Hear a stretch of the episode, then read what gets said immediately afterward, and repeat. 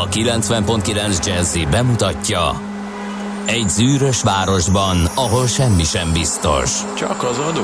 Mondom semmi.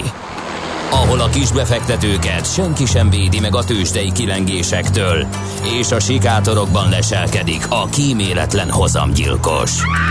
Csak négy férfi múlik a közbiztonsága. Hadnagy urak, merre vannak?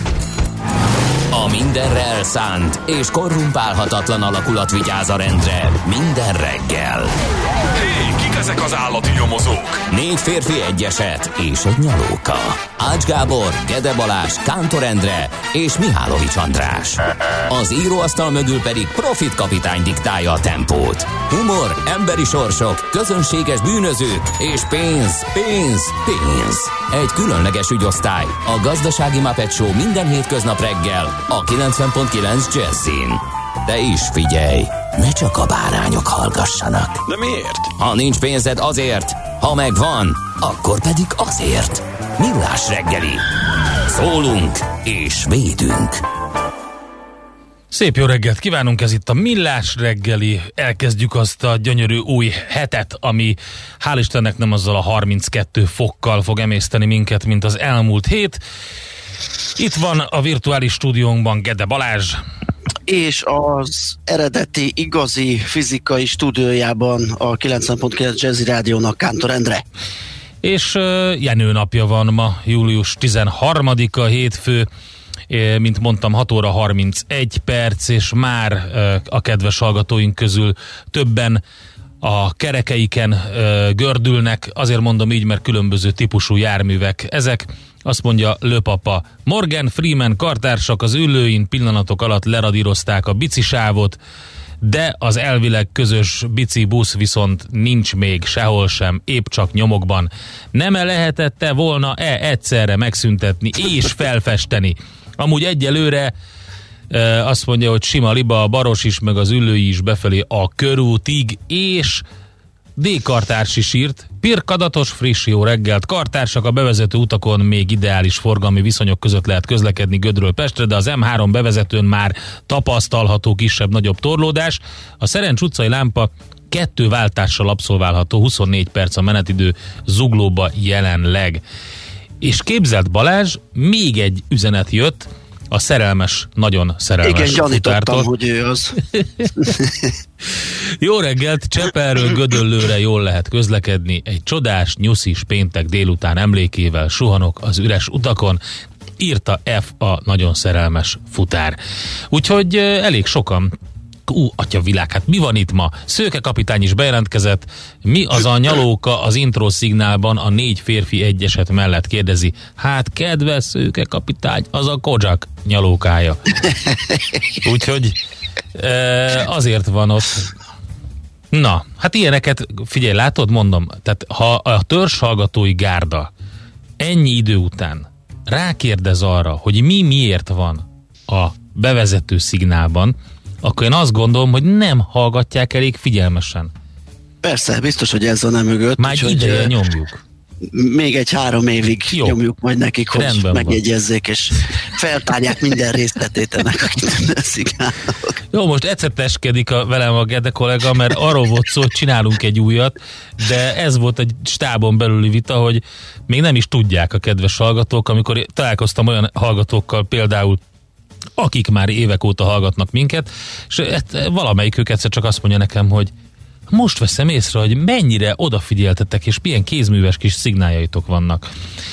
És akkor így, hogy is mondjam, így valahogy így lelkileg tarkon csapódtam, és azt mondtam, hogy hát ez hogy lehet. Na mindegy, hát majd kitalálunk valamit. Igen, és vannak jó páran, akik még mindig fel, felteszik azt a kérdést, hogy jó, de ki az az Alonso Mosley? Hát na tessék, látod? Ilyenek is, ilyenek is vannak. Igen. Legendát csináltunk Alonso Mozdiból. na jó, Szóval Jenő nap, igaz? Ők Jenő. ünnepelnek ma, az a fő névnapunk a Jenőké, és Ernest, Ernő, Harry, Hendrik, ilyen nevek vannak még, Szovátok, Szorádok, Mildák, nagyon sokan megtalálhatják nevüket a, a naptárban a mai napon, július 13-án, de a Jenő a fő névnap, ami az egyik magyar honfoglaló törzs nevéből származik, és a jelentése török eredetű egyébként tanácsadó bizalmas miniszter. Ezt sikerült ó, kinyomoznom. Ó, igen, ótörök ezek nagyon sokan vannak így és nem baskír egyelőre még, de majd lehet, hogy egy idő múlva már baskír eredetű lesz. Nekem nagyon tetszett, nem tudom, olvastad de Ungvári Krisztiánnak a legfrissebb szösszenetét, azt már úgy lehet számítani rá, hogy sőt nem is Ungvári, nem, nem, bocsánat, hanem a nyári úr írta ezt, hogy hát, hogy ő kiszámolta, hogy mondjuk ilyen 500 évre visszamenőleg neki milyen ősei lehetnek, meg hogy hányan lehettek, és ott körülbelül egy, egy millió főnél tartunk, hogyha 500 évre visszamegyünk, Úgyhogy jó eséllyel gyakorlatilag mindenki, aki Eurázsiában élt, az a mi ősünk volt, hogyha visszamegyünk ilyen 4500-5000 évre. Persze, időkérdése csak igen, hogy meddig, igen. meddig távolodunk el a jelentől visszafelé. Na de azt is írta, hogy egyébként harmadik Bélának az uralkodó házaknak ugye a, a házasodásaiból adódóan e, viking e, ősei is voltak, hiszen uh-huh. orosz e, származású, vagy orosz vér is csor, csörgedezett erejében. É, úgyhogy én arra gondoltam, hogy hát elég csak rám nézni, hogy mi magyarok egyébként vikingek vagyunk, tehát ezt tudjuk. Abszolút. Úgyhogy látod? Úgyhogy ez... A Mihálovics főleg. A russzok egyébként, ők, ők, ők egyértelműen vikingek. Maga a russz is onnan származik, a, azt jelenti, hogy evezős, evező, evezni. Uh-huh. Ez a kifejezés, úgyhogy ezek a vikingek kemény gyerekek voltak. Mindenhova elmentek, csencseltek, csereberéltek, ha nem csereberéltek, akkor gyilkoláztak egy kicsit. Minden esetre aztán jól berúgtak, ebből természetesen sok gyerek született, és akkor így elterjesztették a saját magjaikat, mondjuk így. Na, hát ja, ennyi a történelemből. És tömör történet. Én ezt így, igen. Bár nem tudom olyan jól összefoglalni, mint az egyik kedvenc sorozatom a, a rövid ö, történelem, amikor ilyen felesekkel dúsítják a, ja, a igen, mondókát. Igen, igen, az nagyon jó. Ilyen korán reggel, de még az is lehet, hogy az is előfordul majd. Na, legyen még tör, töri lecke, vagy menjünk tovább? Hát figyelj, töri lecke annyiból lehet, ugye, hogy az események sorában találunk olyat, ami tulajdonképpen egy töri lecke részlete, mert hogy 1793-ban ezen a napon leszúrják Jean-Paul Marat, francia forradalmát, ugye Charlotte Corday volt a gyilkosa, a fürdőszobájában, illetve abba a kádba, amiben a, a akkori idejét, éveit töltötte, mert valami bőrbetegsége volt, ha jól uh-huh. tudom, és, és egy ilyen kádba töltötte az egész napját, tehát nem mezei fürdőzés volt, az onnan dolgozott, volt azon egy ilyen munkapadszerűség, és éppen az újságjával foglalkozott, amikor ledöfte ez a hölgy. Tehát ez volt 1793. július 13-án. Így is van. Mara uh, haláláról készült egy kiváló festmény, amit mindenkinek Igen. tanulmányoznia kellett annak idején rajz és művészet tan órákon. Azt így megjegyeztük. Um, és 1985-ben ezen a napon indult uh, a Live Aid, ez a monumentális segélykoncert Angliában és az Egyesült Államokban. Úgyhogy erről egyszer hosszan beszéltünk Ács Gáborral, hogy volt olyan fellépő, ugye, aki mind a két helyszínen zenélt, és akkor abba hagyta az angol helyszínen, fölpattant egy repülőre át a másik helyszínre, és ott is játszott. Most én nem emlékszem, hogy ki volt ő, de most nem mélyültem abba bele annyiba, talán, de lehet, hogy a Phil Collins. Na mindegy, szóval van egy ilyenünk is. Igen, most látom, Phil Collins volt, Phil a Collins. Uh-huh. is, és a JFK stadionban uh-huh. is fellépett, egy Concorddal igen. pattant át Londonból. Nagyon kemény. És onnan helikopterrel Filadelfiába, úgyhogy igen, csak uh, meghúzta, hogy odaérjen. De egy óriási fazon ez a Phil Collins egyébként. Én, én, én önmagáért csak a zenéért, a Genesis után sem voltam annyira oda, bár soha nem pörgettem Ezt el. szerettem úgy értem, hogy én azért van egy olyan kategória, ami, ami neked is megvan ö, saját ö, kazettán, és hallgatod folyamatosan, uh-huh. vagy van olyan, amit ugye, ha meghallgatod a rádióban, vagy, a, vagy az MTV-n annak idején, akkor így meghallgattad. Na nekem Igen. a Phil Collins a másodikat, tehát sose volt aha, saját aha. kazettám tőle, de ennek ellenére magát a pacákot azt mindig is bírtam. Főleg azt a, azokat, a, a, amiket ugye a 90-es években kihozott, 80-as évek végek, 90-es évek ilyen kicsit ilyen ironikus hangvételű, ilyen, ilyen társadalomkritikák, uh-huh. mint a, ugye az amerikai prédikátoros óriási felvétele, vagy a szegény éhező gyerekekről szóló. Tehát nagyon klasszokat csinált ő. Na, és hát ez, ez az, amit egyszerűen nem is tudok hova tenni, hogy 30 éves idén a Fort Fairlane, a rock and roll detektív, a kalandjai. 30 éves. Hát én tisztán emlékszem, amikor a moziban megnéztük, és nem bírtunk vele betelni. Tényleg, nekem annyira nem jött be, de egyébként ez érdekes, hogy ez szerintem csak nálunk van ez, hogy tudunk róla, hogy 30 éves a Ford Fairlane. Ez brutális. Világ más pontján eléggé elhasalt a film, és én gyanítom, hogy a hazai szinkronnak Hát ha, igen.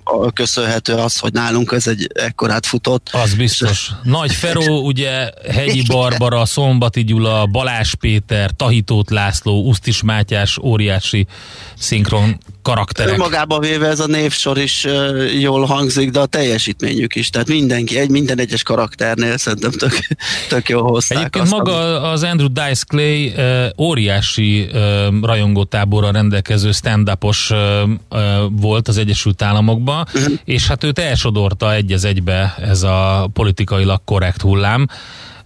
A, egyébként a, hozzá hasonlókat is elsodorta volna, ha megélték volna. Tehát például a, a nagy felmenők között lehet említeni Richard Pryor-t, aki, akit a filmekből úgy ismerünk, mint egy ilyen vicces pacákot, de hát egy eléggé szabadszájú, hát enyhén fogalmazva eléggé szabadszájú stand volt ő is és hát az Eddie Murphynek is voltak ilyenjei, de, de azért nem tudott ebbe a, ebbe a magasságba emelkedni, és hát maga az Andrew Dice Clay erre tette fel a karrierjét, meg is töltött egyébként nagyon komoly helyeket, a Caesars Palace többek között, vagy hát New Yorkban több eh, nagy ilyen arénát, amikor a showi voltak, de hát az, ahogy így, ahogy így változott a világ, őt az elsodorta.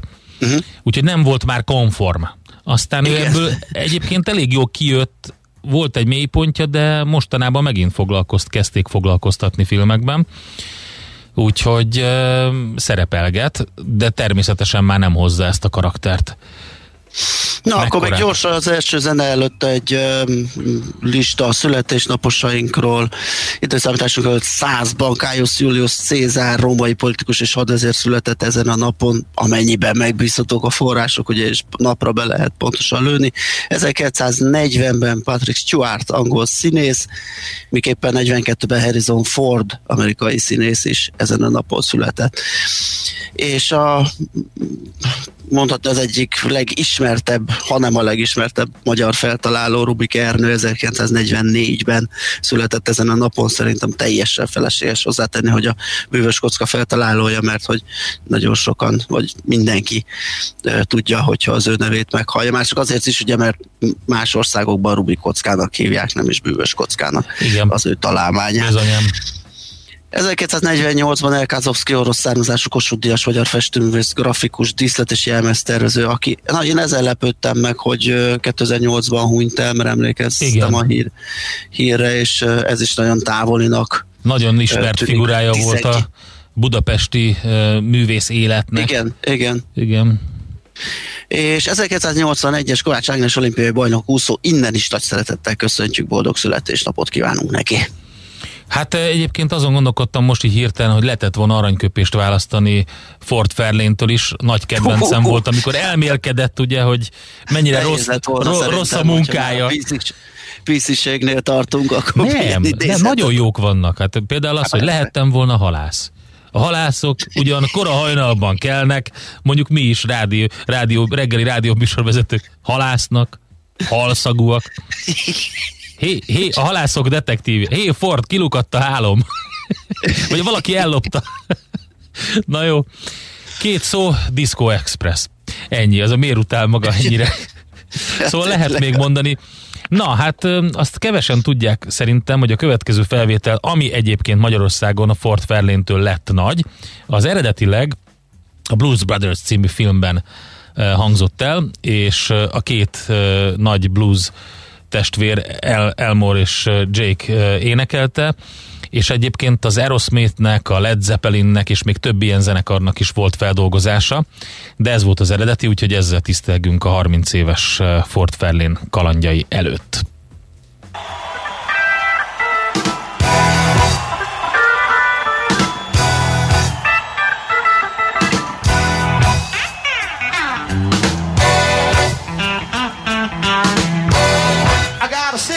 Cadillac spare tire on the back. Charge card of gold bats, but I ain't got you. I got a women to the right of me. I got women to the left of me. I got chicks all around me, but I ain't got you. I got a tavern, a liquor store. I hit the number four, four, four. I got a mojo, don't you know? Dressed up with no place to go. I got women to the left of me. I got women to the right of me. I got chicks all around me. But I ain't got you. No, I ain't got you.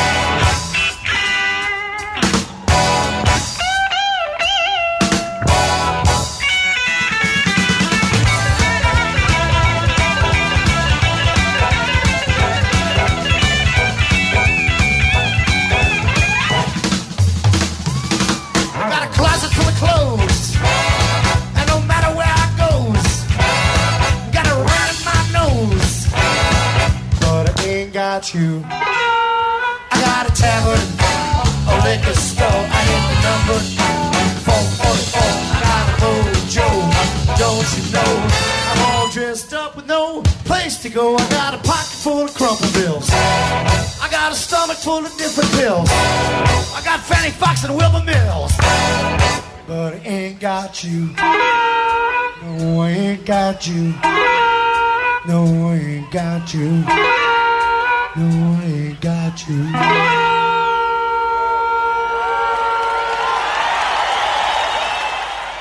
Semmi sem olyan csalóka, mint egy fényforrás távolsága a vaksötét éjszakában. Millás reggeli. Mit írnak a lapok vajon? Ez a kérdés, illetve hogy te mit találtál Balázs? Kérlek szépen én azt találtam, miközben azzal szembesültem, hogy nem a Booty Time lesz az első ja. dal, ami, Azt nem találtam, nem találtam meg. Az m4.hu-t nézegettem, ami azzal foglalkozik ma reggel, hogy megvizsgálja, hogy milyen bűncselekmények miket és milyen számban követtek el a karantén alatt. Így alakultak a lopások, rablások a karantén alatt címet viseli.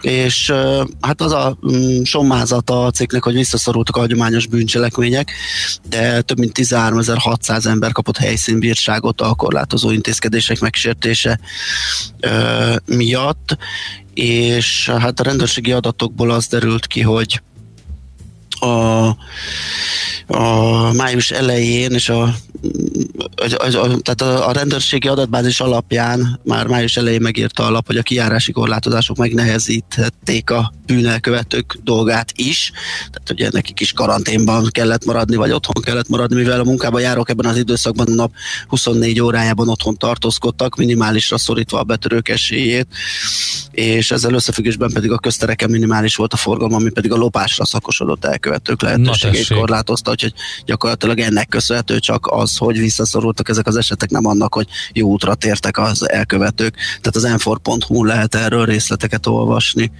A g7.hu-n én találtam két uh, igazán érdekes cikket is, sőt, hát van több is, de ezekre rákanyarodtam. Az egyik az arról szól, hogy idén már kevésbé mérgező a szúnyogírtás, de még mindig messze van attól, hogy ne ártson a környezetnek és arról írnak ugye, hogy az elmúlt években minden nyáron bajlódni kellett az agresszívan rohamozó szunyogokkal, idén sem változott ez, de a szúnyoggyérítés folyamatát minden évben nagy odafigyeléssel követők azt is kiszúrhatták, hogy idén a szokásoshoz képest jóval kevesebb szúnyogírtó repülőt lehetett látni az égen, és ennek legfőképpen az az oka, hogy az idei évtől kezdve az írtásban nem lehetett használni a szúnyogok mellett más rovarokat, madarakat, hüllőket és kétéltőeket is pusztító delta metrint, és erről szól egy picit a cikk, hogy hogy mi történik pontosan, milyen módszereket használnak, és az mennyire károsítja a környezetet. Nagyon érdekes egyébként.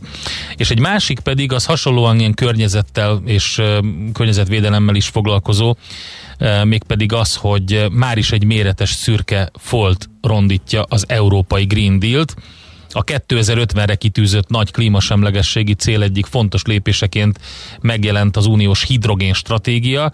Ez végső soron olyan lett, mint az Európai Bizottság három lépést tett volna előre, majd egyet hátra, és ezzel foglalkozik nagyjából, hogy ez mit jelent, miért nem jó, miért van egy lépés hátra. Szóval alapvetően ezeket találtam a g7.hu-n.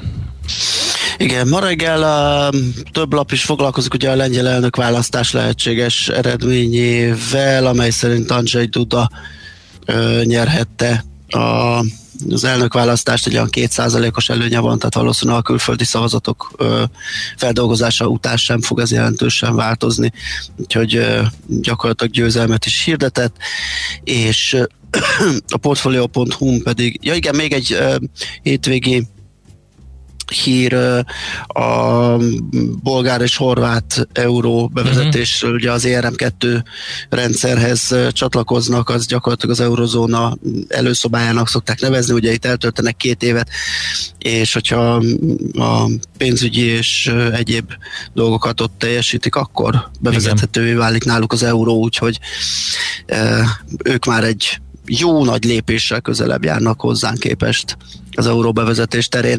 És a portfolio.hu-t nézegettem még, ami arról számol be, hogy kivételesen alakult a magyar áramtermelés a régióban a járványhelyzet alatt, Magyarországon, ugyanis márciusban, áprilisban és májusban is emelkedett a villamosenergia termelés az előző év azonos időszakához képest, júniusban pedig csak minimálisan maradt el attól.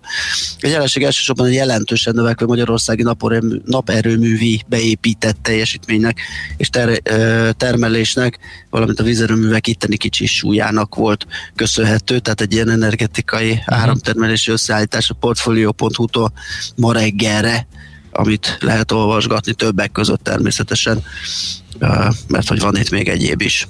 Na nézzük, mi van még. Ja igen, hát nagyon sokan írnak arról, meg be is számoltak róla a hírekben is, de szerintem majd megszólaltatjuk Szilasi Lászlót, akit vel sokszor beszéltünk itt a műsorban, a velo.hu portál ugye alapítójáról van szó, kerékpáros sportemberről is, erről a tömeges bukásról, tömegbalesetről az egyik hazai kerékpárversenyen, pont a végén olvasom én, de hát mondom, elég nagy botrány is van belőle. Tömeges bukás történt ugyanis ugye az első Gella Kupa amatőr országúti kerékpárversenyen. Amatőr országúti kerékpárversenynek hívják, de alapvetően az volt a probléma, hogy én nézegettem Szilasi Lacinak a posztjait a Facebookon, hogy egyszerre indítottak mindenkit, profikat, amatőröket, masterzeket, és nem csináltak lassú rajtot, mert hát képzeld el, hogy többen beszámoltak róla a Facebookon is, hogy ugye ez a 200 fős mezőny volt, ami elindult, rögtön az elején az első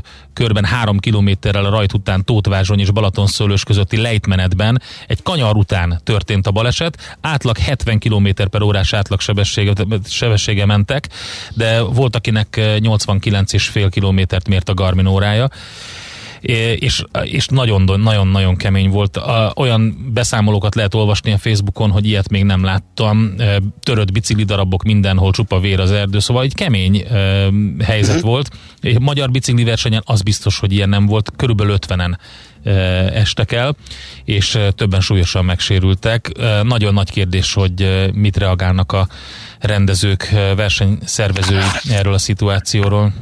Na hát és akkor még egy, hogyha belefér, kérem szépen a 24.hu élet stílus rovatában, így nézegettem a lapot, és egy kedves ismerős ö, nézett vissza rám, egyébként szombat játszik, de hát belefér, hát pénteken volt utoljára millás reggeli. Ki? Kérem szépen interjú Katona Csaba történésszel arról, hogyan jelenik meg Trianon és az összeomlás élménye az átlagpolgárok korabeli naplóiban és emlékirataiban. Ez nagyon izgalmas, most álltam én is, úgyhogy ezt majd átolvasgatom. Ú, jó, terjedelmes, izgalmas kis interjú Katona Csabával, úgyhogy mindenkinek javasoljuk. Szuper. Mi is. Na gyorsan elolvassuk. megyünk tovább, aztán megnézzük, hogy a tőzsdéken mi volt, hogyan kezdjük a hetet, és, és akkor utána majd jönnek Czoller Andi hírei úgyhogy maradjatok velünk. Akkor mi mindannyian vikingek vagyunk? Kérdezi Zsolt. Igen, mindannyian vikingek vagyunk, és természetesen Ádám és Éva leszármazottai De hát eddig sumérok is voltunk, nem? Sumérok is voltunk, és még azt gondolom, hogy lehet, hogy még Ábrahám gyermekei is vagyunk egy kicsit. de ez lehet, hogy most ezért engem meg fognak veszőzni.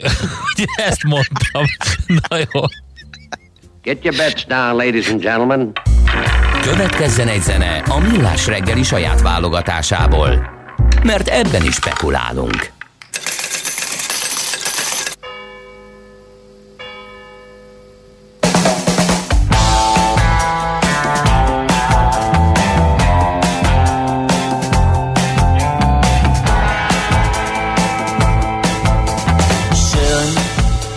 fødselsdag, nu er det har en jul, og det er i dag hurra.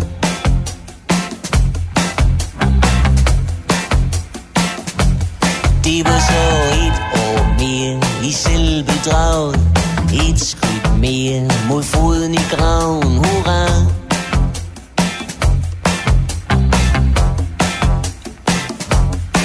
Vi siger i hurra, det er din fødselsdag. Det er i dag, den dag du kan se tilbage. På alt hvad du har opnået og begået for menneskeheden. Og når du hjem fra skole går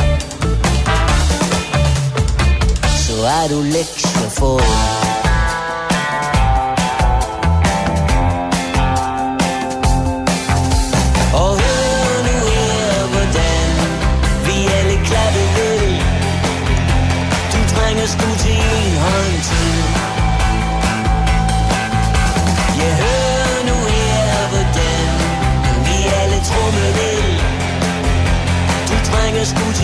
til til.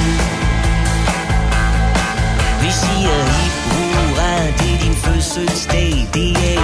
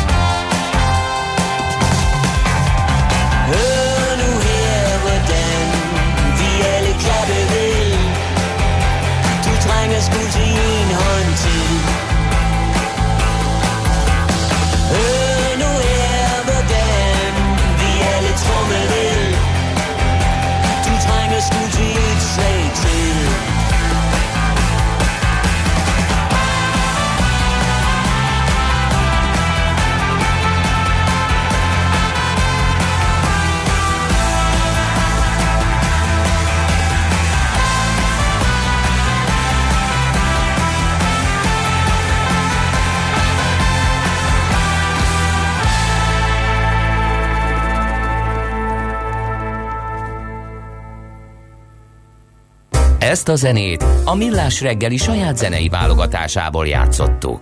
Hol zárt? Hol nyit? Mi a sztori? Mit mutat a csárt? Piacok, árfolyamok, forgalom a világ vezető parketjein és Budapesten. Tősdei helyzetkép következik. Hát a pénteki tőzsdei kereskedési nap nem zárult annyira fényesen a Budapest értéktőzsdén, mert hogy fél százalékkal esett a mutató, a BUX 191 ponttal e, került lejjebb, 35.589 pont lett a vége. A forgalom az nem volt túl nagy átlag alattinak mondható, mert hogy 7,5 milliárd forint értékben kereskedtek a parketten a brókerek, és a vezető részvények közül az a Richter Gedeon kivételével mindegyik eset egyébként a Richtert is a végére ö, sikerült fölhúzni. A MOL az 31 forinttal 1,7%-kal csökkent 1834 forintra, hát nagyon nem talál magára, még mindig itt van a mélypontja közelében, egész egyszerűen itt, itt ragadt. Az OTP 50 forinttal került lejjebb, 10.760 forintra, ez fél százalékos mínusz. Természetesen egyébként ennek, a, ennek az alacsony uh, 7,5 milliárdnak a, a zömét az OTP-re kötötték 5 milliárd forint értékben, ahogy az lenni szokott. A Magyar Telekom 3 forinttal értékelődött le 381 forint 50 fillére, ez 8 os mínusz, és ahogy említettem egyedülként a Richter tudott emelkedni 25 forinttal, ez 4 os több lett, és kereken 6700 forinton fejezte be a pénteki kereskedési napot. Hát egy nagyon izgalmas szituációt láthatunk az Egyesült Államokba, de erre majd egy kicsit később, mert hogy megnézzük, hogy mi történik. Hát ugyanez a, a pozitívum és hajrá a távol-keleti tőzsdéken, a Shanghai Composite 1,3%-os pluszban, a Nikkei majdnem 2%-os pluszban, a Hang Seng is 1%-os pluszban. Európa egyébként teljesen zöldben zárt, pénteken 1%-os pluszok alakultak ki a vezető tőzsdéken de az Egyesült Államok azért nagyon izgalmas, mert most a Dow Jones is rákapcsolt, nem csak a Nasdaq. Ugye lehet látni, az S&P és a Dow 1 százalék fölött, a Dow Jones majdnem másfél százalékos pluszban, a Nasdaq körülbelül fél százalékos pluszban zárta a pénteket, és ha megnézzük, hogy a legnagyobb nyertesek és a legnagyobb vesztesek hogy állnak, csak százalékokban ez nagyon érdekes, mert hogyha a legnagyobb veszteseket nézzük százalékon, a legnagyobb az 3,6 százalék volt mínuszban. Hát az nem is tekinthető nagynak. Onnan onnantól kezdve már csak ilyen 2 meg 1 százalékos mínuszokat látunk. A pozitív oldalon azonban, és itt jön az én új elméletem, amit veled karöltve e, gyúrtunk össze, hogy itt vannak ezek a e, utazási szolgáltató hajó szállodák, uh-huh igen. Mind a kettő 10% körüli pluszban. Igen. A Royal Caribbean is és a Norwegian is, ami azt jelenti, hogy gyakorlatilag tök mindegy, hogy mi történik a világban, hogy mi történik Amerikában. Bármi picik és jó hír van, és belekapaszkodnak, akkor rep, repülnek ezek a, a, az egyébként nagyon sérülékeny és volatilis ö, szektorban lévő szolgáltatók. És nagyon szét vannak még ütve, tehát ja, azt ne igen. felejtsük el, hogy nem a, most jött valami hír, azt hiszem a, a Caribbean valami 2021-es szép jövőképet vázolt föl, és akkor ennek így megörültek a befektetők, de hogyha megnézzük a csártot, az, ezek még mindig nem találtak magukra, hát hiszen nem is uh, tudnak elindulni, nem is járnak, uh, uh, hajókat adtak el. És veszik hiszem, őket ilyen szinten igen, igen, igen, igen, igen, és hát most belekaptak, mert a remény.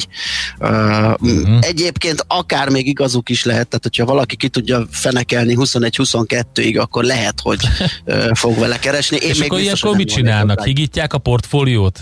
Hát igen, Folyamatosan? Lehet. Na jó. Hát izgalmas minden esetre. A Tesla is nagyot ment ö, pénteken, és ezzel ö, ugye be is járta a hír hétvégén, ezt, ezt nagyon szeretik általában számolgatni az újságíró kollégák, hogy éppen ki hogy áll, és ezzel Warren Buffettet megelőzte ö, Elon Musk ezzel a nagy emelkedéssel, mert így 71 milliárd dollárra ugrott körülbelül a saját vagyona, ugye, hogyha a részvény hányadát felszoroljuk ezzel a új 1500 dollár körüli Tesla árfolyammal. Miközben egyébként a, tehát a Musk gyarapodott, Warren Buffettről is jött hír egyébként, hogy megint túladott uh-huh.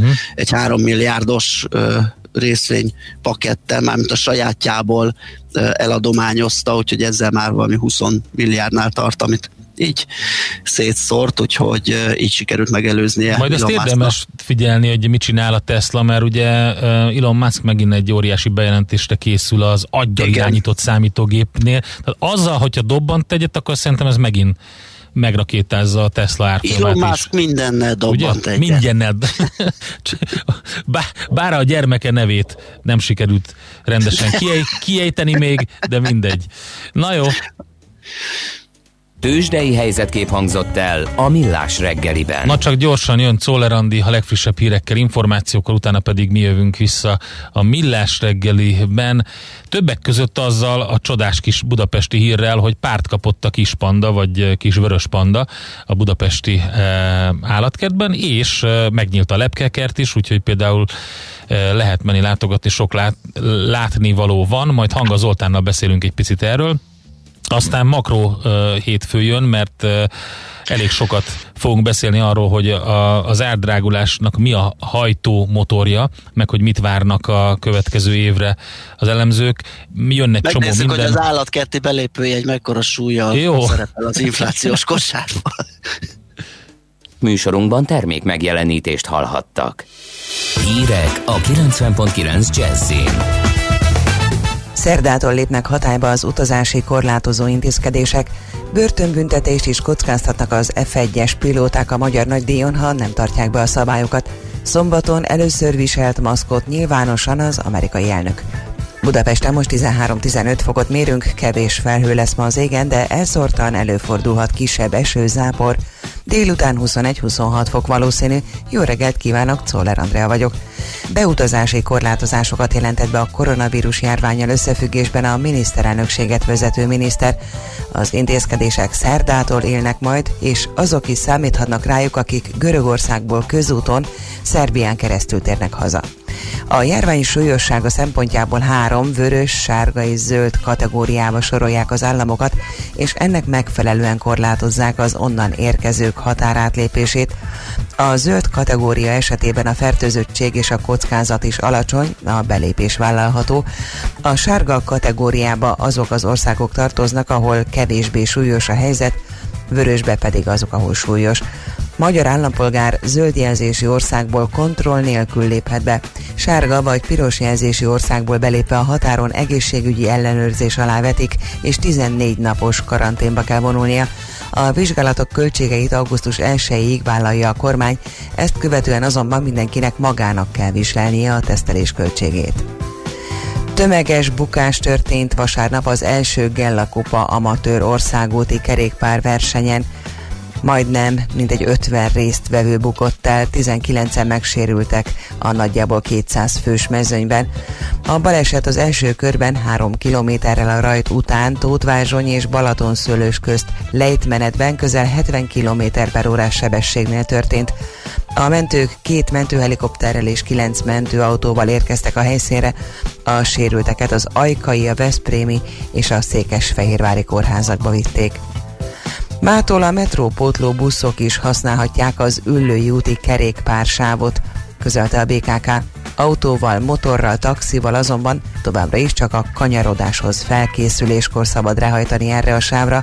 A közlemény szerint a Semmelweis klinikák és a Korvin negyed metróállomás felújítása miatt mától az M3-as metrópótló buszok mellett az M30-as állomáspótló buszok is az Üllői úton járnak. Jelentős büntetést kaphatnak a Forma 1-es pilóták a magyar nagydíjon, ha nem tartják be a szabályokat. A csapatok tagjait figyelmeztették, 15 ezer eurós bírságot vagy akár börtönbüntetést is kockáztatnak, amennyiben a jövő heti magyar nagydíj folyamán megszegik a Budapestre vonatkozó korlátozásokat, írja a motorsport.com. A Forma 1 személyzetének különös tekintettel a brit és az Európai Unión kívüli tagokra gyakorlatilag vesztegzár alatt kell tevékenykedniük az országban. Nem használhatják a tömegközlekedési eszközöket, illetve taxikat, minden étkezést a szálláshelyükön vagy a Hungaroring létesítményeiben kell elvégezniük, szabad idejükben pedig a szállásukon kell tartózkodniuk. Szombaton először viselt maszkot nyilvánosan Donald Trump. Az amerikai elnök a hadsereg vezérkarával látogatott egy katonai kórházba, ahol sebesült katonákkal, illetve koronavírusos betegeket ápoló egészségügyi dolgozókkal találkozott, írja a BBC. Trump most először jelent meg maszkban a nyilvánosság előtt, Korábban azt mondta, hogy nem fogja viselni a védőeszközt, sőt gúnyolódott a demokrata elnökjelölt Joe Bidenen, aki viszont gyakorta maszkban jelent meg a rendezvényein. A járvány az Egyesült Államokat sújtja leginkább, a legfrissebb adatok szerint már több mint 3,2 millió fertőzött van az országban, és 134 ezrel haltak meg. A héten sok lesz a napsütés, de többször is várható elszórtan csapadék. Nagy hőségre nem kell készülni, a maximumok jellemzően 30 fok alatt maradnak, Hétfőn gomoly felhős idő várható több órás napsütéssel, csapadék nélkül, 21-26 fok valószínű. A hírszerkesztőt, Czoller Andrát hallották, friss hírek legközelebb, fél óra múlva. Az időjárás jelentés támogatója a Software van Hungary Kft. A felhőszolgáltatások szakértője. Software van. Felhőben jobb. Budapest legfrissebb közlekedési hírei a 90.9 Jazzin a City Taxi Dispécsejétől. Jó reggelt kívánok a kedves hallgatóknak! A forgalom folyamatosan élénkül. A bevezető utakon, a körutakon és a csomópontoknál már most sokan közlekednek. Lezárják a 13. kerületben a Csata utcát, a Gömb utca és a Béketér között, toronydarú állítás miatt, az Orci úton a Baros utca felé a Nagyvárad térnél pedig lezárják a belső sávot az M3-as metró felújításához kapcsolódó munkálatok miatt valamint lomtalanítás miatt időszakos korlátozásra kell számítani Zuglóban, a Rákos-patak utca, Vezér utca, Ekresi út, Nagy Lajos király útja és Erzsébet királyné útja által határolt területen. További kellemes utat kívánok Önöknek! A hírek után már is folytatódik a millás reggeli, itt a 90.9 jazz Következő műsorunkban termék megjelenítést hallhatnak.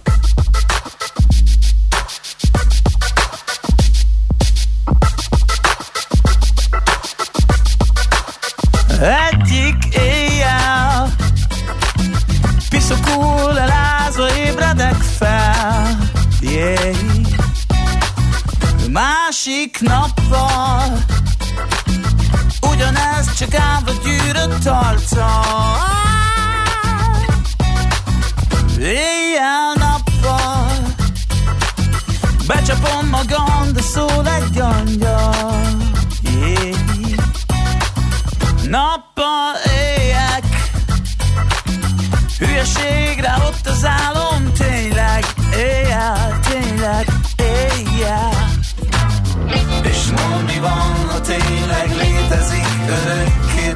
tartó szerelem Nekem lenne kedvem. És mondd mi lesz, ha én csak tényleg erre vágyom Menjek innen. Vagy ne értsen. Várlak mámor Oda kinn a másik ember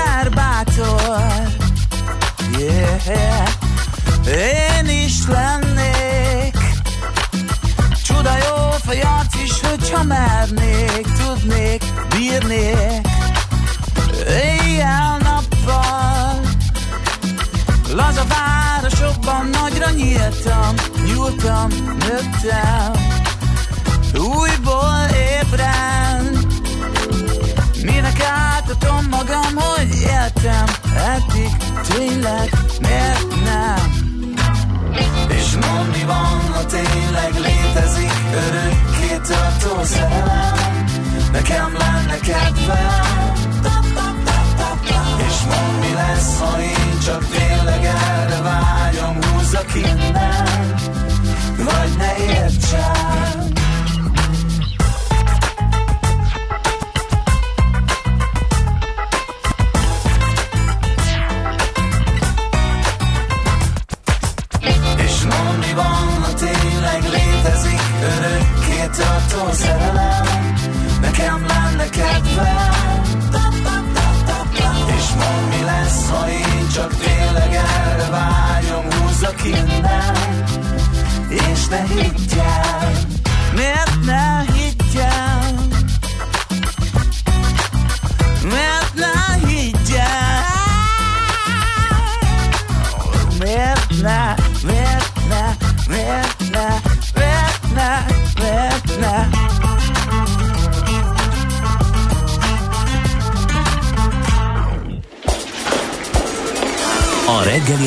rohanásban könnyű szemtől szembe kerülni egy túl szépnek tűnő ajánlattal.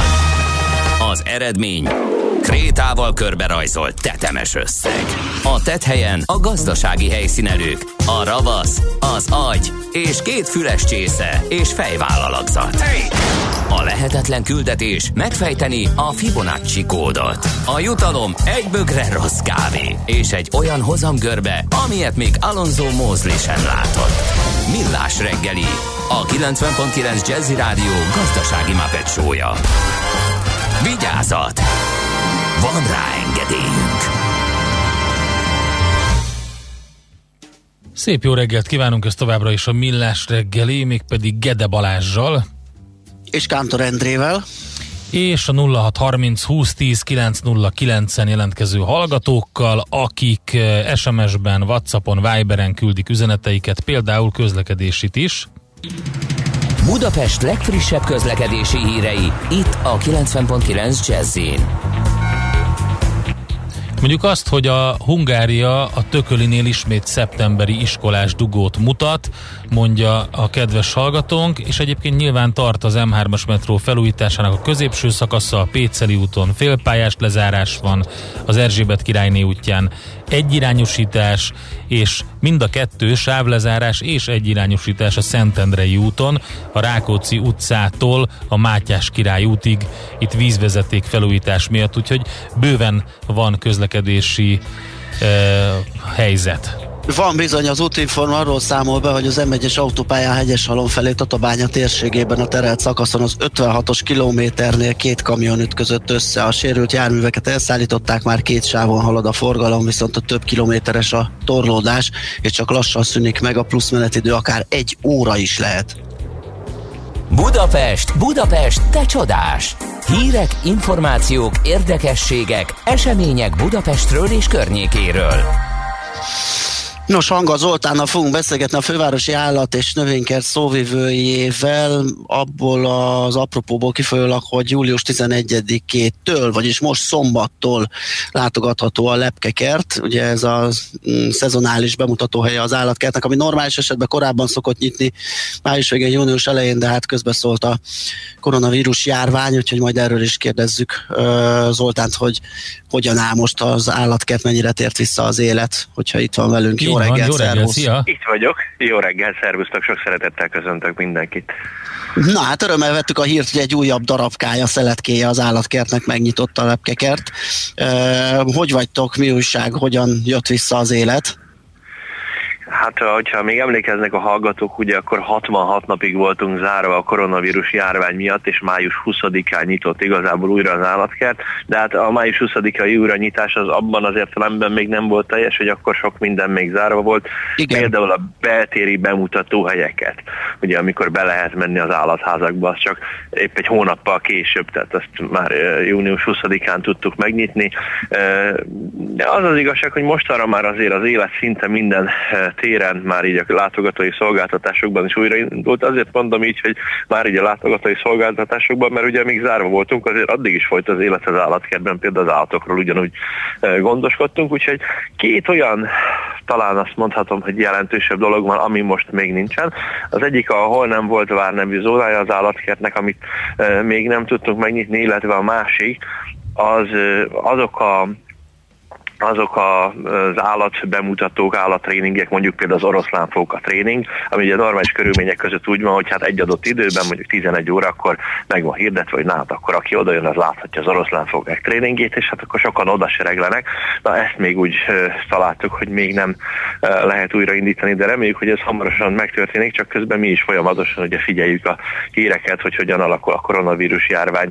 Nyilván nem csak a mindenkire kötelező szabályokat figyeljük, hanem azt is, hogy egyébként mit érdemes megtenni más állatkertekben is, hogy működik ez, és akkor az állatkertben is ezt rendszeresen megmutatjuk, hogy hogyan tudjuk megoldani azt, hogy egyrészt minél több dolgot, élményt adjunk a közönségnek, másrészt azért olyan feltételeket teremtsünk, ahol elősegítjük azt, hogy könnyebben vigyázhassunk egymásra. Hát ez a lepkekert újranyitása, ez most egy fontos lépés volt és ugye ott a dolog nem olyan egyszerű, kicsit olyan, mint a, az olyan koncertek, amiket már hónapokkal előre el kell kezdeni szervezni, és hiába e, nyíltak újra bizonyos helyszínek, hát azokat a koncerteket a szokásos időben már nem lehetett megtartani. Na ez is hasonló dolog, hiszen ugye itt a lepkekert nyitása az mindig a báboknak, a lepke báboknak a beszerzésével indul, uh-huh. amelyek Közép-Amerikából érkeznek, és hát ezt általában a május végi, június elejé szokásos megnyitás előtt már jóval el kell kezdeni szervezni, de abban az időpontban, amikor ezt el szoktuk kezdeni szervezni, még nem volt biztos, hogy mikor lehet ezt majd megnyitni,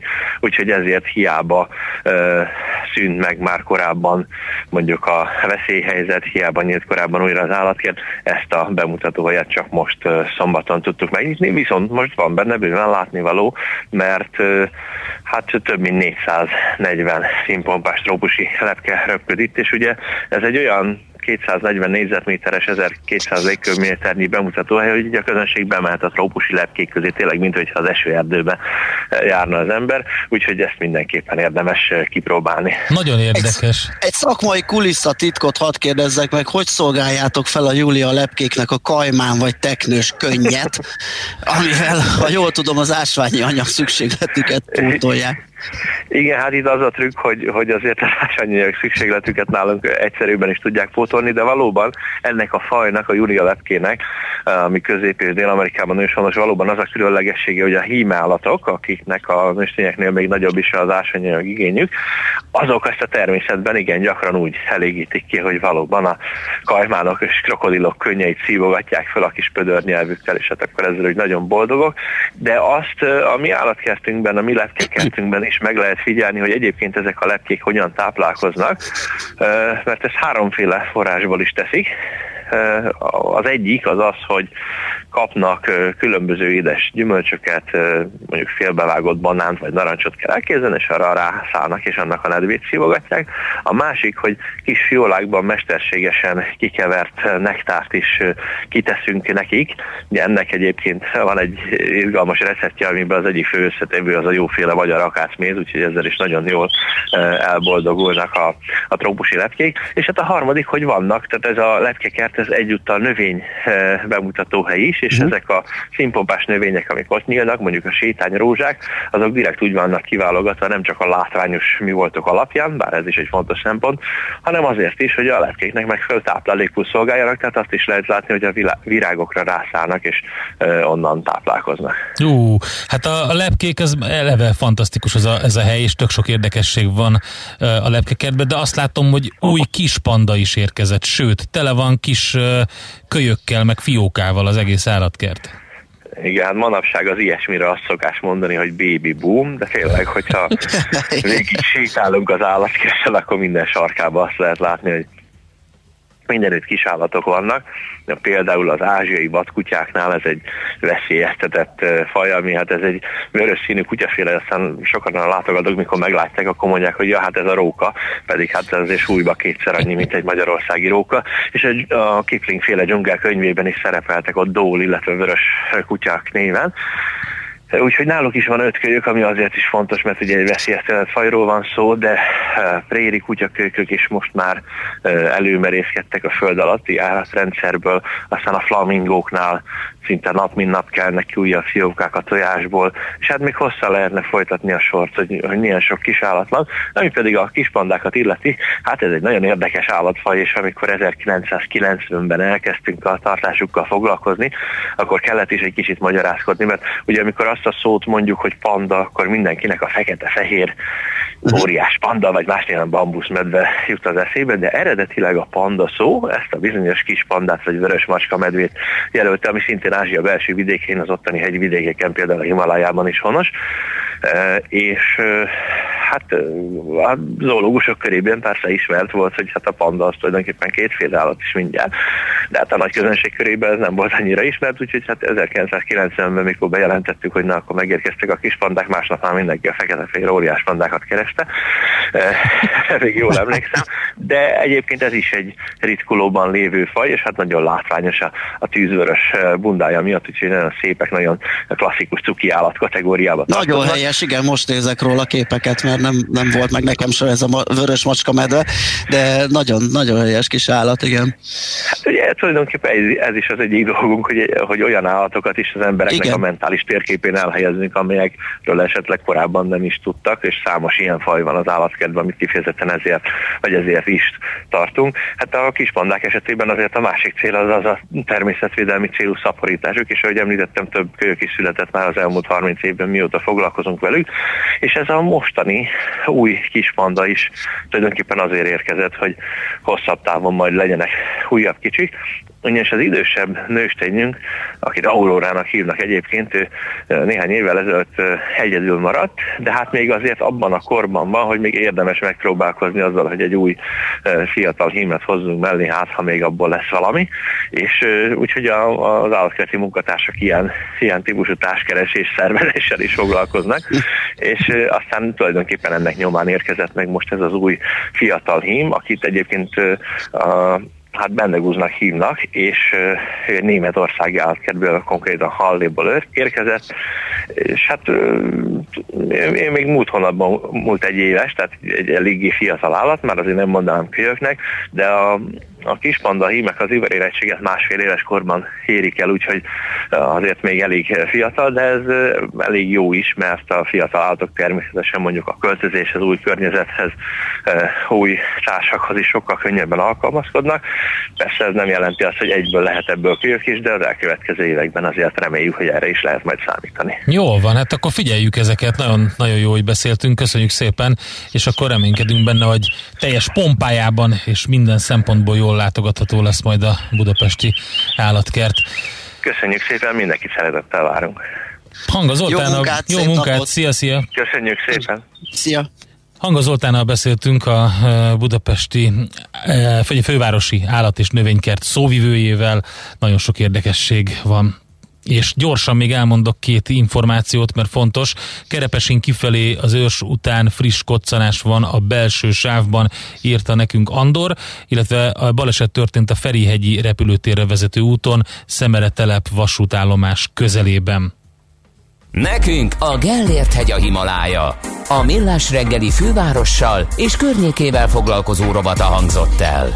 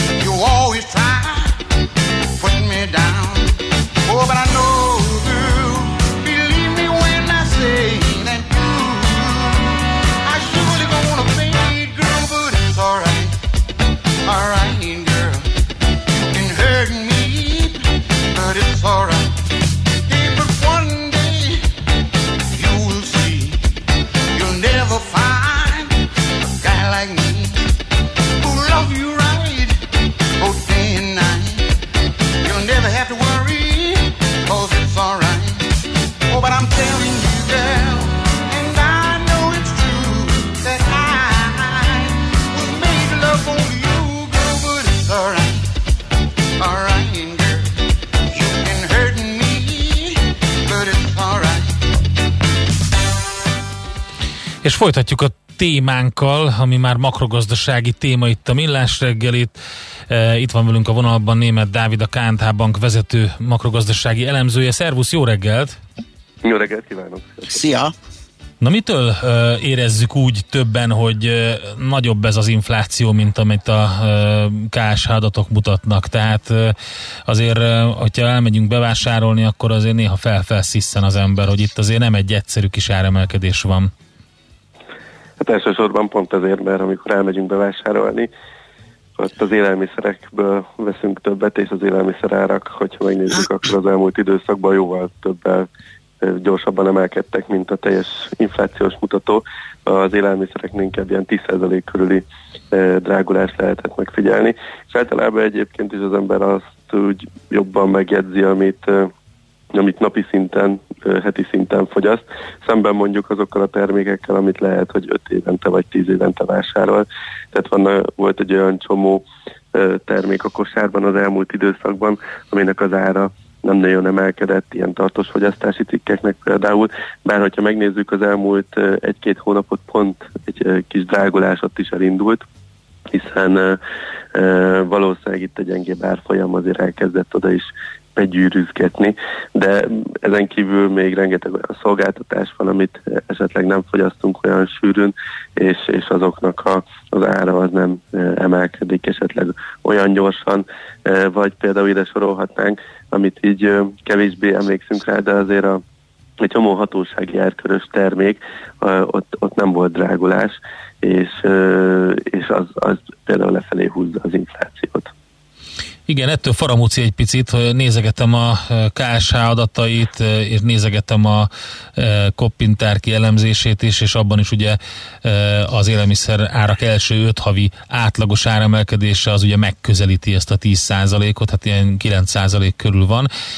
Éppen ezért csalóka, amikor ugye a, a, azt látjuk, hogy körülbelül 3,4%-os inflációs mutatót közöl a KSH. Igen, igen, hát ezek a, a fő okok, hogy, hogy nem feltétlen az a fogyasztói kosarunk nekünk, mint amit a Központi Statisztikai Hivatal mér. Illetve hát most azt is felhozhatnánk, hogy a pont ebben az időszakban a statisztikai hivatalnak azért nem olyan egyszerű adatokat sem begyűjteni, hiszen zárva voltak boltok, nem tudtak elmenni bizonyos helyekre, tehát három-négy különböző módszertannal becsülték meg a fogyasztói árakat. Egyrészt sokkal nagyobb részben online gyűjtik, tehát az online adatokból táplálkoznak és nem mennek ki boltokba, vagy azok a szolgáltatások, amik esetleg nem voltak elérhetők, ott egy szokásos, szokásos drágulást hoztak be, vagy átvezették a korábbi árakat. Tehát ez a járványhelyzet azért megnehezítette a, a, az adatgyűjtést is, úgyhogy lehet, hogy ez is akár lefelé torzítja éppen most az inflációs mutatót, és ott nem a valós képet tudja pontosan lefesteni. Hogyan muzsikált a maginfláció? Mert ugye most pont arról beszélünk, hogy az élelmiszerárak, meg valószínű, hogy az üzemanyagárak visszarendeződése, visszaemelkedése okozta az elmúlt időszaki növekedését az inflációnak, de mit csinál a maginfláció, ami tisztított ezektől a szezonális adatoktól? Maginfláció az nagyon régóta magas szinten van, 4% körül van egyébként az adó, a nem adófült maginfláció, tehát a sima maginfláció, uh-huh. hogy gyakorlatilag több mint egy éve ez a 3,7-4,3% között ingadozik, úgyhogy egyelőre arról beszélhetünk, hogy egyáltalán nem látszik az, hogy lassulna az infláció, azt látszódik, hogy, hogy egy viszonylag magas szinten mármint a jegybanki célhoz képest egy viszonylag magas szinten stabilizálódott, bár a jegybank most arra számít, hogy majd ott jelentősen elkezd mérséklődni. Én is azt gondolom, hogy valamennyit jöhet lefelé, de egyelőre az látszik, hogy, hogy nem szűnt meg itt az árnyomás Magyarországon. Hm? Mik a kilátások? Hát az év második felében én 3% környékén látom ingadozni a fogyasztói árindexet. Persze iszonyatosan befolyásolja az üzemanyagárnak az alakulása, hiszen volt olyan hónap az évben, amikor emiatt 2,2% volt, de volt olyan is, amikor meg fölment 4,5% környékére. Tehát meglátjuk, hogy, hogy a vírus hatására hogyan alakul a nemzetközi olajpiac, van a, az olajára, és ezen keresztül az üzemanyagé. De hogyha a maginflációt nézzük, akkor egy picit lassulás, és eh, hát a jövő évben én azt gondolom, hogy ismét inkább 3% fölötti értékeket fogunk látni, hát különösen majd a második nedében, eh, amikor hirtelen volt egy üzemanyagáres, és akkor, akkor eh, volt, lesz majd magasabb adat is. Uh-huh. Oké, okay, tehát folyamatos az a bizonytalanság, amit láttunk korábban is, és nehéz előre pontosan megmondani, mi fog történni. Hát vannak, vannak bizonytalanságok, kicsit több, mint a szokásos, azért látszik az, hogy vannak olyan alap dolgok, amik eh, nem indokolják azt, hogy most attól kéne tartani, mint 2009-10-ben, hogy nulla meg mínuszos lesz az infláció. Egyelőre több jelmutat arra, hogy nagyobb a kockázat, hogy akár meg is lódulhat az infláció. Tehát majd meglátjuk, hogy mennyire lesz tartós a kereslet visszaesés, illetve milyen lesz a kínálati sok a világon. Uh-huh. Jó, oké. Dávid, nagyon szépen köszönjük az infókat. Szép napot neked, jó munkát! Köszönöm szépen nektek is. Szervusz! Német Dáviddal beszélgettünk, a Kántábank vezető makrogazdasági elemzőjével, picit a, arról, hogy az inflációs kosár e, egyébként e, hogy áll, illetve miért olyan csalóka egy bevásárló ember számára azt, hogy, hogy látja ezt a körülbelül 10, vagy érzékeli ezt a körülbelül 10 százalékos áremelkedést, miközben ugye az adatokból meg más látszik, hogyha nem csak az élelmiszereket nézzük. Na de hát folytatjuk, és hasonló témával, mert jön magyar inflációs adat, erről fogunk majd beszélgetni, de nemzetközi, meg hazai konjunktúra adatok is jönnek a héten, úgyhogy van bőven ami befolyásolja a piacot. Erről beszélünk majd Kovács Mely Andrással, az OTP Bank elemzési szenyor szakértőjével. Műsorunkban termék megjelenítést hallhattak. Rövid hírek a 90.9 Jazzin. A kormány szigorítja a határellenőrzést, de itthon nem tartja indokoltnak további korlátozások bevezetését. Az országokat vörös, sárga és zöld kategóriába sorolják a járványhelyzet súlyossága alapján, a listát pedig hetente felülvizsgálják. Sárga vagy piros jelzési országból belépve a határon egészségügyi ellenőrzés alá vetik az embereket, és 14 napos karanténba kell vonulniuk. A vizsgálatok költségeit augusztus 1-ig vállalja a kormány, ezt követően azonban mindenkinek magának kell viselnie a tesztelés költségét. Még nem biztos, hogy lesz augusztus 20-án tűzi játék. Gulyás Gergely miniszterelnökséget vezető miniszter vasárnapi sajtótájékoztatóján jelezte, a kormány a szerdai ülésén fog végleges döntést hozni arról, hogy megtarthatóak-e az ünnepségek. A kormány egyébként három napos rendezvénysorozatot tervez a nemzeti ünnepekre Budapestre. Erre 6,5 milliárd forintos keretszerződést kötöttek az Antenna Hungáriával. A tűzi játékra ezen felül még külön legalább 910 millió forintot szánnak a kormány. Kijárási korlátozásokat vezetnek be több katalán városban. Mindegyik település Szegria járásban található, amelyet egy héttel ezelőtt helyeztek vesztek zár alá. A bevezető utakat a hatóságok őrzik, néhány kivétellel, mint például az áruszállítás, nem lehet sem belépni, sem távozni ebből a térségből, ahol mintegy 210 ezeren élnek. Az itt élők hétfőtől csak meghatározott esetekben például munkavégzés, bevásárlás céljából hagyhatják el otthonukat, bezárnak a sport és kulturális központok, az éttermek nem fogadhatnak vendégeket, csak házhoz szállításra készíthetnek ételt. Egy vágányon újraindult ma a vonatközlekedés Nagymaros és Szob között. A szerelvények 50 km per órás sebességgel közlekedhetnek. A másik vágányon és a töltés oldalon folytatják a júniusi intenzív esőzés okozta károk helyreállítását. Már csak néhány vonat helyett közlekednek pótlóbuszok Nagymaros és Szob között. A MÁBA közleményében azt írta, a károk elhárítása eddig mintegy 150 millió forintba került, de a munka jelentős része még hátra van. Rendkívül szoros a lengyel elnökválasztás. Az első exit polok szerint a magas részvételi arányok mellett a kormányzó ultrakonzervatív jog és igazságosság szövetségesének számító jelenlegi elnök Andrzej Duda a szavazatok 51%-át szerezheti meg. A hivatalos eredményeket a Lengyel Országos Választási Bizottság legkorábban hétfőn este vagy kedre virradóra közli. Kigyulladt egy hadihajó a San Diego-i flotta támaszponton, 21 ember szenvedett könnyebb sérüléseket. A helikopter hordozón robbanás történt és tűz ütött ki, de ennek okát még vizsgálják. A kigyulladt hajót elborító hatalmas füstfelhőt egész San Diego-ban látni lehetett. A héten sok lesz a napsütés, de többször is várható elszórtan csapadék, nagy hőségre nem kell készülni, a maximumok jellemzően 30 fok alatt maradnak. Ma gomoly felhős idő várható több órás napsütéssel csapadék nélkül, 21-26 fok valószínű. A hírszerkesztőt, Czoller Andrát hallották, friss hírek legközelebb fél óra múlva. Az időjárás jelentés támogatója a Software van Hungary Kft. A felhőszolgáltatások szakértője. Software van. Felhőben jobb. Budapest legfrissebb közlekedési hírei, itt a 90.9 jazz Jó reggelt kívánok! Élénkül a forgalom az M3-as autópálya fővárosi bevezetői szakaszán az m 0 és a Szent Mihályi út között. Az M5-ösön befelé az autópiactól, a Hungária körúton a Tököli útnál, illetve a Könyves Kálmán körúton a Mester utcánál a Rákóczi híd felé.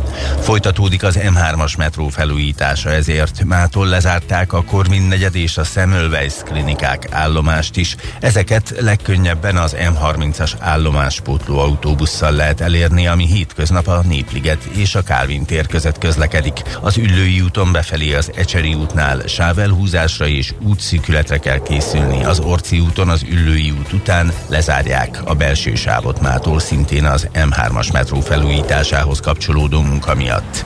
Véget ért a vágány felújítás az Alkotás utcában, tehát mától a 17-es és az 56A villamos újra az eredeti, az 59-es, az 59A és a 61-es villamos pedig ismét a teljes vonalon közlekedik. Mától egyirányosítják Csepelen a Táncsics Mihály utcát, a Károli Gáspár utcától a Vermes Miklós utcáig, a Vermes Miklós utca egyirányúsága pedig megfordul a Kis János Altábor nagy utcáig. Varga Etele, BKK Info. A hírek után már is folytatódik a millás reggeli, itt a 90.9 jazz Következő műsorunkban termék megjelenítést hallhatnak.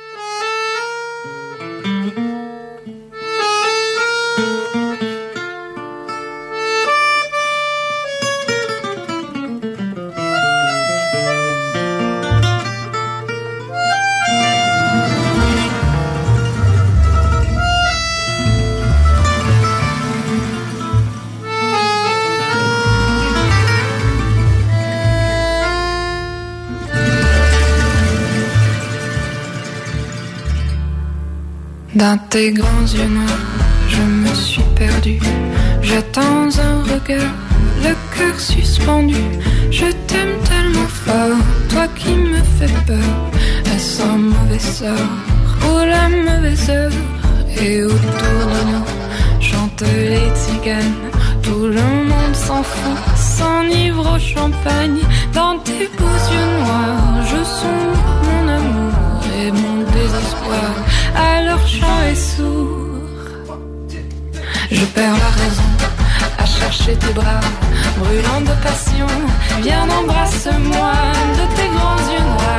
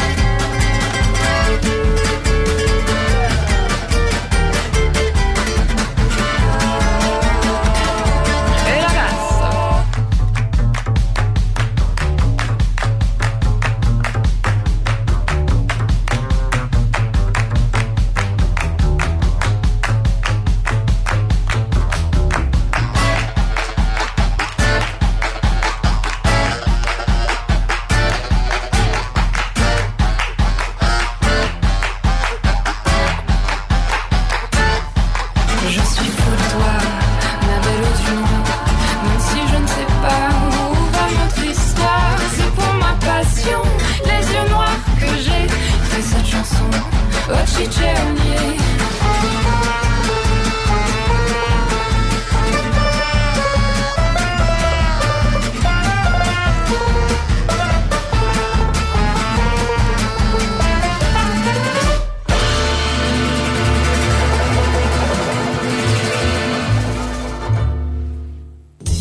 Mi várható a héten? Milyen adatok, információk, döntések hathatnak a forint értékére, a tőzsdei hangulatra? Heti kitekintő.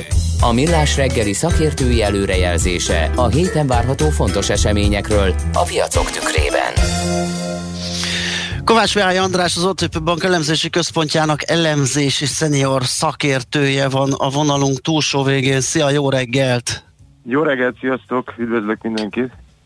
Na nézzük, hogy miből gazdálkodunk a, a héten. Hát lesz itt amerikai inflációs konjunktúra adat, nyilván mindenki nagyon kíváncsi, mind a mellett, hogy a héten elindul a gyors jelentési szezon. Azt olvastam, hogy a JP Morgan, a Netflix, a Johnson Johnson csupa nagy vállalat jelent, de hát jönnek itt amerikai adatok, tehát láthatunk egy képet majd arról, hogy mi újság Amerikában. Hát igen, nem csak Amerikában, egyébként elég komoly adatdömping lesz. Ugye hát akkor kezdjük a, az USA-val. Amerikai infláció jön holnap, ahol ugye hát az a várakozás, hogy a headline az alaputató egy kicsit följebb megy a, az olajárak uh, emelkedése miatt, de a maginflációt azt mindig ilyen 1,1% körül várják, ugye ami jóval a Fed 2%-os célja alatt van, tehát érdekes, hogy ezt, ezt hogyan fogják értékelni a piacok, illetve hogy ennek kapcsán további, további stimulus várnak-e. Aztán jön költségvetési hiány az USA-ra, költségvetési hiányadat, ugye mondjuk ez egy havi adat lesz, de itt ez talán azért lehet érdekes a dollár szempontjából, mert ugye az utóbbi időben inkább, inkább nagyobbak lettek a hiányadatok, mint amit a piac várt, ugye, és az idei évre egy 17%-os költségvetési hiányt várnak a az USA-ra. Hát, hát igen, ott ugye egy ilyen 10% fölötti stimulust adtak, ugye, hát az meg is látszik egyébként a az USA kiskereskedelmi uh, forgalmán, ahol ugye májusban egy nagyon szépet uh, szépet emelkedett, valami 17%-kal hópeuró, és egyébként jön uh, jön júniusi ipari termelés az USA-ra, kiskereskedelmi forgalom, és jönnek már júliusi bizalmi indexek, ugye, amik már a harmadik negyedévre, tehát FED feldolgozóipar, aztán ez a Michigani fogyasztói bizalom, tehát igazából usa rengeteg, rengeteg adat érkezik. És még egy basebook is jön a fettől, ugye? Igen, igen, igen, igen, igen. Nem lenne elég a felsoroltak. Így van, így van. Na, de és viszont akkor... Európáról is jönnek adatok, igen. sőt, több ugye Európai Központi Banki Kamat döntőülés is lesz, mi, mik itt a várakozások? Igen, hát ugye Európára alapvetően, ami talán a legérdekesebb lehet, mert az a CEV index, ami már júliusra vonatkozó bizalmi index, ugye ez már két hónapja így jóval 50 fölött van, most is 50 fölött itt várnak. Uh, aztán jön még ipari termelés az eurózónára, meg Európára májusra, de igazából itt a, ugye az országadatokat már láttuk, ez nem annyira izgalmas. Hát a kamatdöntés, ugye ez csütörtökön lesz az LKB-nak a kamatdöntése. Itt igazából itt senki nem vár semmi ö, nagy lépés most, mert a múltkor bővítették ki ezt az eszközvásárlási, meg állampapírvásárlási programot 600 milliárd euróval. Ö, ugye most azt, meg azt sugalják a nyilatkozatok, hogy most megvárják, hogy ennek mi a hatása, ugye a hosszú hozamok azért elég alacsonyan vannak, viszont ami fontos, ugye, hogy a, az LKB valószínűleg beszélni fog a gazdasági kilátásokról, a frissített gazdasági kilátásokról, és hát igazából ezt várja nagyon a piac. Egyébként a második negyedévre most már azért így nagyjából látszik, hogy hogy hát egy csomó országban ilyen 10% körül visszaesések jönnek ki negyed év per negyed év, ugye valószínűleg az eurozónára legutóbb az LKB ilyen 13 körül mond egy kicsit nagyobb, de hát ez nyilván ez is ö, piacmozgató lehet, hogy mennyire, mennyire lesz pessimista a, a, a központi bank, az Európai Központi Bank. És hát egyébként ugye még amit ne felejtsünk el Európára, csütörtök pénteken lesz az EU állam és kormányfőülés, ahol a, a következő 21-27-es pénzügyi tervről, meg erről a 750 milliárdos helyreállítási alapról dönthetnek tehát az is lehet piacmozgató, hogyha ott valami vártnál gyorsabb előrelépés történik. Aztán kijön a másik éves kínai GDP, ami meg azért lehet ugye érdekes, hogy, hogy az már olyan értelemben egy, egy, egy hard adat a második évre, hogy ugye ők mindig előrébb járnak a vírusban, mint a világ többi része, hogy mennyire gyorsan a helyreállás. Itt most egyébként az a várakozás, hogy ők gyakorlatilag ledolgozzák a Q1-es ilyen 10% közeli visszaesést Q2-re, tehát 9,7%-os növekedést vár a, a piac, meglátjuk. És hát vannak magyar adatok, ott, ott, ott kisebb a, a, az izgalom, ugye építőipari termelés, ez májusra, ami, ami azért lehet fontos, mert ugye azok az országok teljesítettek a, a karantén alatt viszonylag jól, ahol az építőipari termelés azért azért talpontot maradni, és igazából áprilisban a magyar építőipar is csak 2,1%-kal esett vissza. Aztán szokásos MNB aukciók, ahol meg az lehet érdekes, hogy most az MNB ezt a fedezett hiteltenderét is elkezdte egy kicsit visszavágni a múlt héten, ugye állampapírt már egy ideje nem vesz, tehát ez is, ez is érdekes, hogy itt, itt mi fog történni. Hát jó sok bizonytalanság van akkor ezek szerint, és akkor, hogyha jól vettem ki a szavaidból, akkor alapvetően Amerikára kell figyelni, de az európai piacot is befolyásolhatja ez az LKB szitu. Igen, hát mindenképpen az LKB döntés milyen előrejelzés lesz. És én azt gondolom egyébként, hogy ez a pénteki EU csúcs is, tehát amikor a uh-huh. legutóbb is, ugye, amikor a Merkel meg a Macron bejelentette, hogy az első lépést ez a közös alap, közös kötvénykibocsátás irányába, azt ugye elég jól fogadták a piacok. Hát meglátjuk, nem? Nem, nem lesz egyszerű, nem lesz, nem lesz egyszerű júliusi hetünk mondjuk igen, így. Igen, igen, okay. lesz, azt gondolom. Rendben, köszönjük szépen. Ja, bocs, még a Balázs kérdez. Nem kérdezek, csak annyit mondtam, hogy nem csak mennyiségében lesz sok adatunk, hanem átfogó képet is kapunk, ugye Igen. itt, ahogy említettük, amerikai, európai, kínai, hazai, mindenféle makroadatok jönnek, úgyhogy izgalmas hét elé nézünk. Köszönjük szépen a beszámolódat. Oké. Szervusz! Köszi szépen, sziasztok, hello. Kovács Mihály Andrással, az OTP Bank elemzési központjának elemzési szenior szakértőjével néztük át, hogy a héten milyen fontos adatok jönnek, és hát szerintem megjegyezni vagy felsorolni is sok volt, úgyhogy figyelni kell a makrolaptárat. Jön egy csomó minden, amiből képet kaphatunk arról, hogy hogyan állnak helyre, vagy helyre állnak-e a gazdaságok Amerika, Európa és Ázsia szerte. Na majd foglalkozunk mindjárt ezzel a szigorításokkal, amit Magyarország bevezetett. Előtte egy pár üzenet. Egy kis érdekesség. Jelzálog hitelem fix kamatozású 4,8 százalék. Ennek ellenére a havi lebontás 6,3 és 4,3 között ugrál, éves szinten 5 százalék. Ilyenkor mit lehet tenni? Kérdezi a kedves hallgató. Hát, hát nem tudom, ez egy kicsit kevés info, nem tudom, hogy mi miből ered, vagy... vagy igen, ez fura egyébként, hogy, hogy a 4,8 százalék az nem lehet 5, de mindegy. E, aztán Kung Fu Panda rajzfilmben Sifu Mester a kis panda írja nekünk. Tényleg. Tényleg. Nagyon jó. Tényleg, igen. Ő a kis vörös panda, rendben. Igen, igen, igen. Onnan volt akkor ismerős, nézegettem ezeket a képeket. És megírták többen is a Ferihegyi balesetet. Teljesen áll a forgalom mind a kettő irányban, írta dr. Sisi is a gyorsforgalmi úton történt balesetit, balesetet, úgyhogy hát kitartás az ott dugóban ülőknek.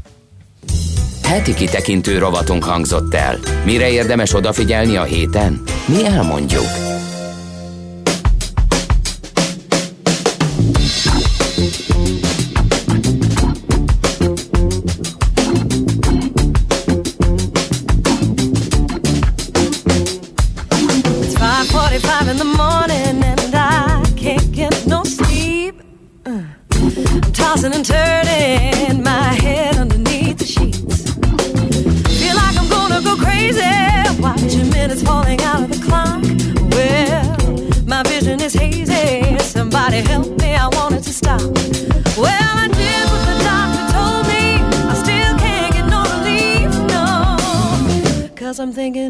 Babe, and it's playing on repeat. Well, I close my eyes a bit tighter. I'm gonna block the memories out. Oh, the night's getting lighter, and I'm feeling so worn out. I'm burning up with a fever, it's getting just too strong to fight.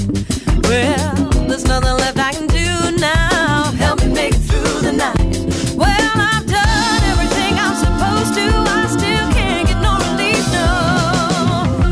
Cause I'm thinking of you, babe, and it's playing on repeat.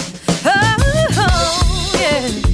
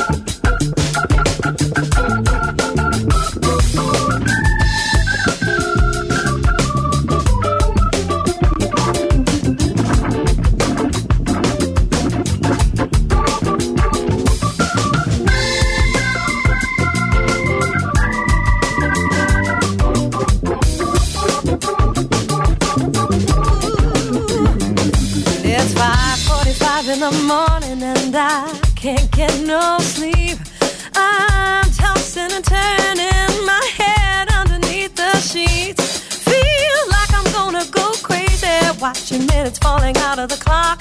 Well, my vision is hazy.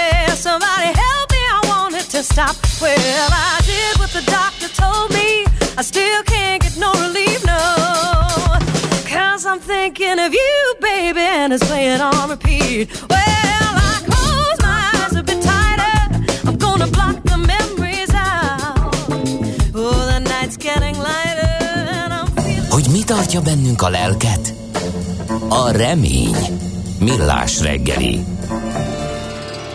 Hát igen, arra szükség is van a reményre. Kedves hallgatónk is feltette a kérdést nekünk Viberen 0630 20 10 909 re hogy van-e ötletünk arról, hogy a, a kormány szivárvány listáján az Egyesült Államok miért sárga színbe került be.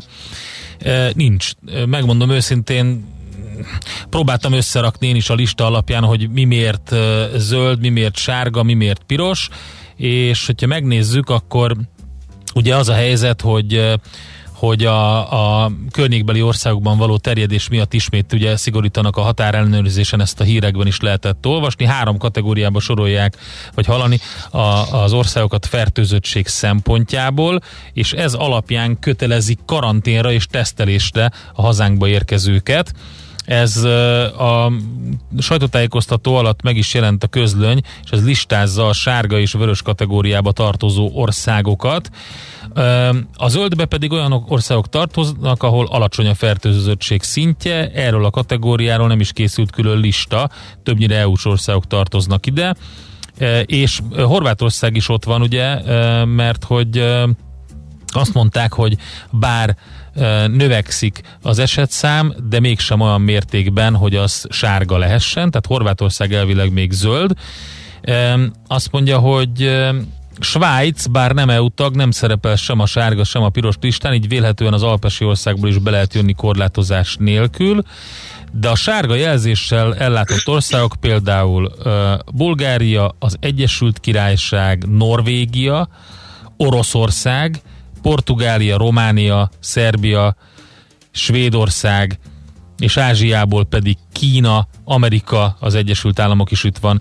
Na most e- ezen a listán én személy szerint több mindent nem értek, nem értem Szerbiát, e, Oroszország ugye a nagy kérdés, hát nem tudom, az Egyesült Államok is, hiszen hogyha megnézzük a Hát WHO nézd, ezeket nem adatait, tudom, hogy így fejből meg tudjuk-e fejteni, hogy így ránézésre értjük, nem értjük. Mhm. Gondolom volt valamiféle statisztikai rendező elv, ami alapján ezek felkerültek, vagy a lakosság arányos fertőzöttség, vagy halálozási ráta, vagy Figyeld, a. WHO adatai szerint rekordmértékben emelkedett egy nap alatt a fertőzöttek száma.